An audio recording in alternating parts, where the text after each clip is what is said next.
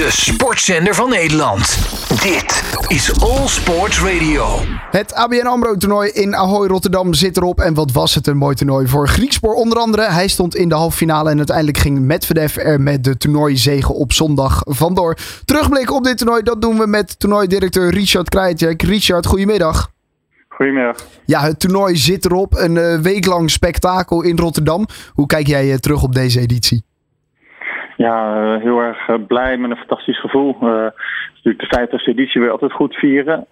maar ja. ja. na twee coronajaren hadden we het heel erg nodig allemaal. en dus de tennisfans en ook de spelers en wij allemaal. En erg blij dat we zo'n mooie editie konden delen met onze sponsor ABN AMRO. Die natuurlijk al 50 jaar ondersteunt. En ook in die twee moeizame jaren van corona. Ja, inderdaad. Wat was er voor jullie anders aan deze editie, omdat het de 50ste editie was?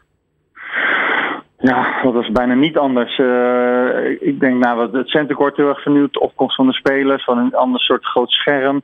Uh, de, de, trainingsfaciliteiten waren weer verbeterd voor de spelers. Ja. voor het publiek hadden we het showcourt gebracht naar een andere locatie. En dan zit eerst bij de banen, dus moesten ze bijna wat rustiger aandoen met de clinics. Nu konden ze eigenlijk helemaal losgaan. Dus er was één aparte hal, alleen maar clinics. Uh, met, uh, veel met Martin Verkerk en andere tennisleraren. Heel veel kinderen maakten daar gebruik van. En allemaal zeg maar challenges die je kon doen vanuit de tennisbond. Dus allemaal balspelletjes, bal- en. Dus dat was erg leuk. En, ja, en, en het allerbelangrijkste is denk ik dat, dat we de naam hebben veranderd. ABN allemaal open. Ja. En de reden waarom we dat hebben gedaan is omdat we hadden eerst het, zou maar zeggen, het ATP-toernooi het reguliere toernooi eh, of het valide toernooi en rolstoeltennis toernooi. En dat twee aparte namen. En nu hadden we ook nog het vrouwenrolstoel erbij. En, um, uh, en dat is iets van, nou, het is, uh, dat moet om één naam, het is allemaal topsport. Uh, dat vonden we al een paar jaar eigenlijk altijd iets van hoe kunnen we dit duidelijk uitstralen dat dit gewoon één toernooi is. En nou, eindelijk hebben we dus die ene naam ervan gemaakt. En dat, was, dat, dat laat helemaal zien hoe ja, hoe dit allemaal past in deze tijd ook van inclusiviteit. Gewoon uh, uh, iedereen is, uh, speelt op zijn toppen van zijn kunnen, traint keihard. En dat moeten we, moeten we onder één noemer zetten als toernooi. Zeker. Nou, dat is inderdaad mooi en ook vooruitstrevend. en ook een blijvertje dus, denk ik. Al deze veranderingen ook. Zijn dat blijvertjes voor, voor de komende jaren? Ja, zeker. heel veel zijn blijvertjes en, andere, en misschien een paar dingetjes verbetering.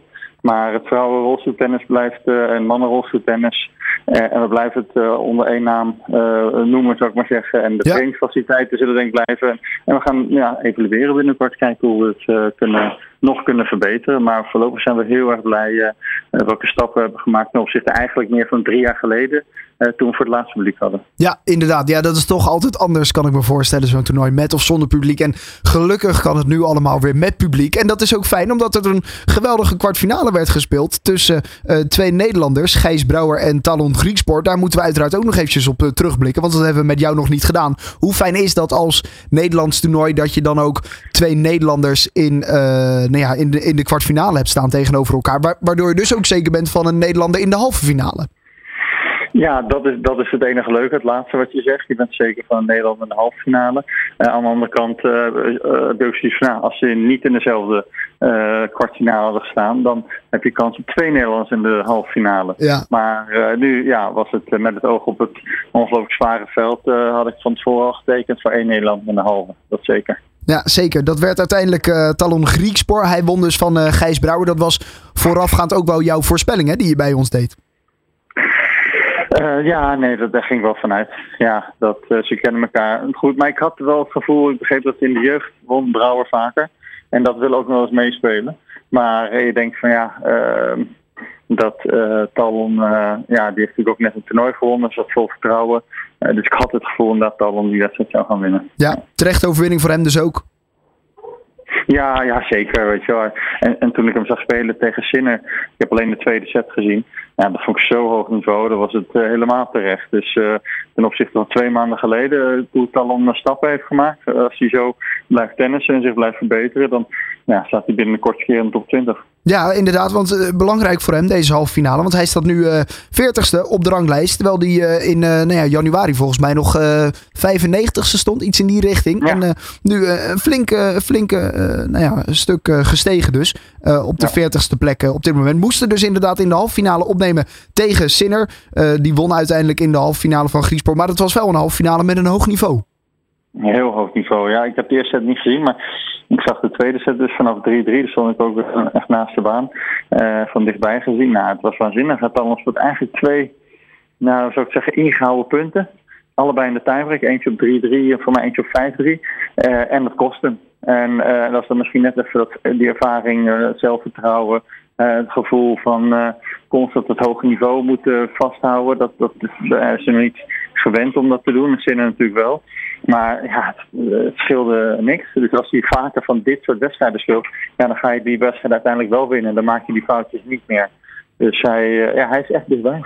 Ja, dat is er natuurlijk ook, die ervaring. En ik kan me dan ook misschien wel voorstellen, maar jij kan daar natuurlijk echt over meespreken. Dat een halve finale in je thuisland op zo'n toernooi, dat dat toch ook nog een extra druk met je meegeeft. Merk je dat ook als speler? Ehm, ja, ja, je merkt zeker wel druk soms, maar dat zie je dan in het begin van de wedstrijd.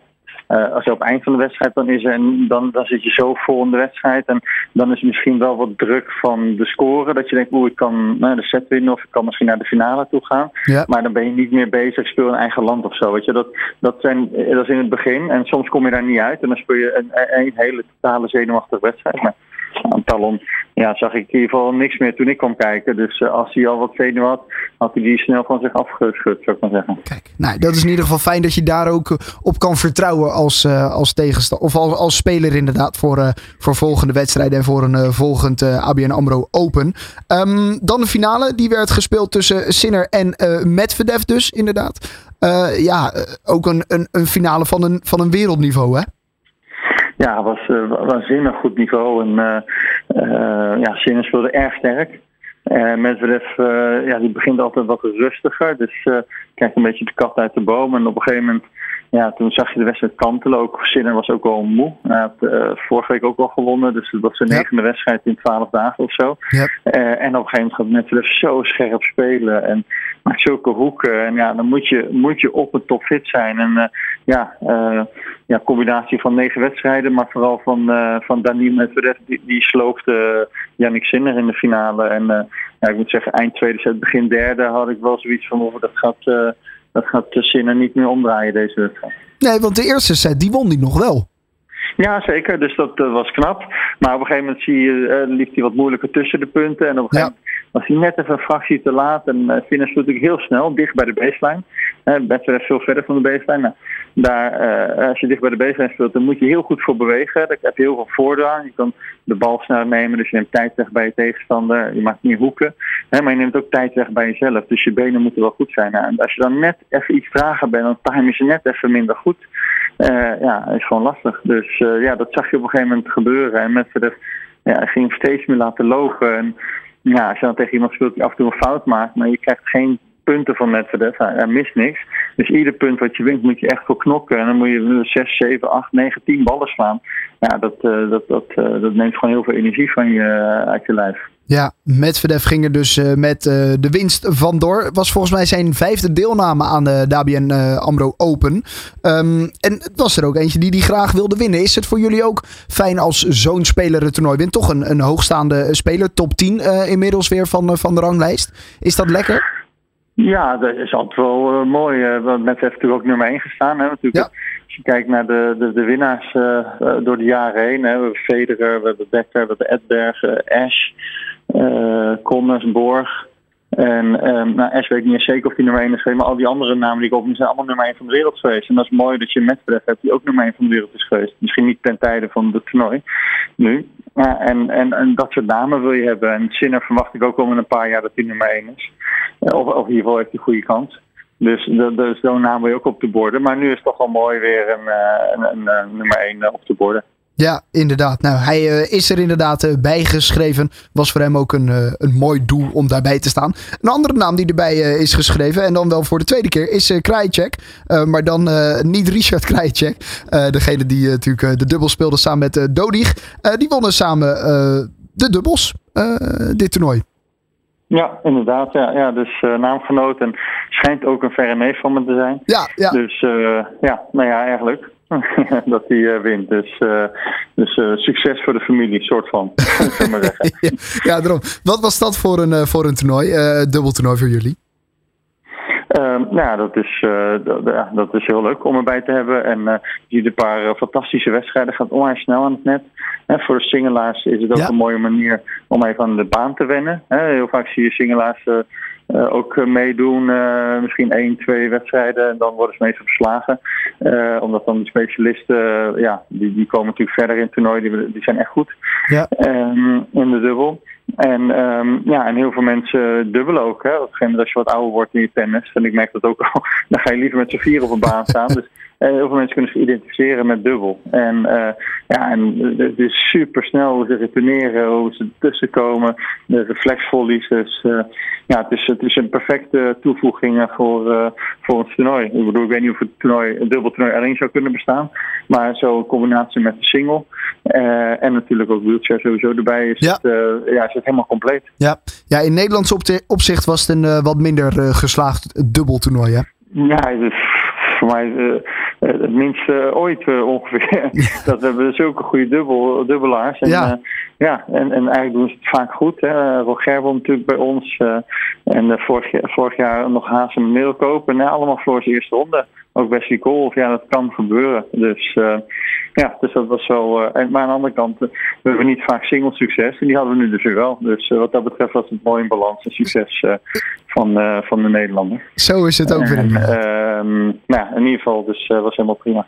Ja, en nog een mooi compliment van uh, Dodig uh, na, het, uh, na het interview na de gewonnen wedstrijd. dat hij zei, ik kom graag naar Rotterdam, want hier zit altijd veel publiek op de tribune. Met ook nog eens verstand van tennis. Dat is toch een mooi compliment. Ja, dat is een heel mooi compliment dat ze willen komen. En, en dat klopt ook. Sina was ook heel erg blij met het publiek. Die uh, speelt natuurlijk een Griekspoor. En uh, ja, sommige landen, als je dan speelt tegen lokale uh, spelen, dan, dan, zijn ze natuurlijk voor die spelen. Nou, dat is, ja. dat is normaal. Ja. maar ze kunnen ook op vele manieren zijn. Hè. Op een gegeven moment dan gooi je de bal op om te sferen en dan roepen er een paar mensen. En dan gaan ze van alles doen om, om ja, uit je spel te halen. Ja, dat is. en dat gebeurt in Nederland niet. Weet je, er wordt natuurlijk uh, meer geapplaudiseerd en gejuicht voor Griekspoor, voor het Nederlander. Ja. Maar altijd met respect naar de tegenstander. En dat, uh, dat doen we heel goed in En dat vinden spelers fijn. Dus gewoon, uh, ja, je moet wel een beetje. je hebt, een sport behoor je respect naar elkaar te hebben. En, en ook het publiek, als die dat doet, is dat heel erg fijn. Zo is het. Dat is inderdaad uh, mooi. Nou, uh, al met al, uh, zoals in het interview ook begonnen, een erg geslaagde vijfde, vijftigste editie. Ja, zeker. Heel erg tevreden. Dus kijk uit naar uh, de 51ste. ja, precies. Ja. Nu eerst nog eventjes uh, lekker nagenieten. Uh, Richard, dankjewel dat we afgelopen weken iedere dag met jou mochten bellen. Dat we konden terugblikken en vooruitkijken op het toernooi. En nou ja, zoals gezegd, ga ervan nagenieten. Ja, hartstikke bedankt hè, voor alles. En leuk dat we elkaar konden bellen iedere keer. Alle sporten van binnenuit. All Sport Radio.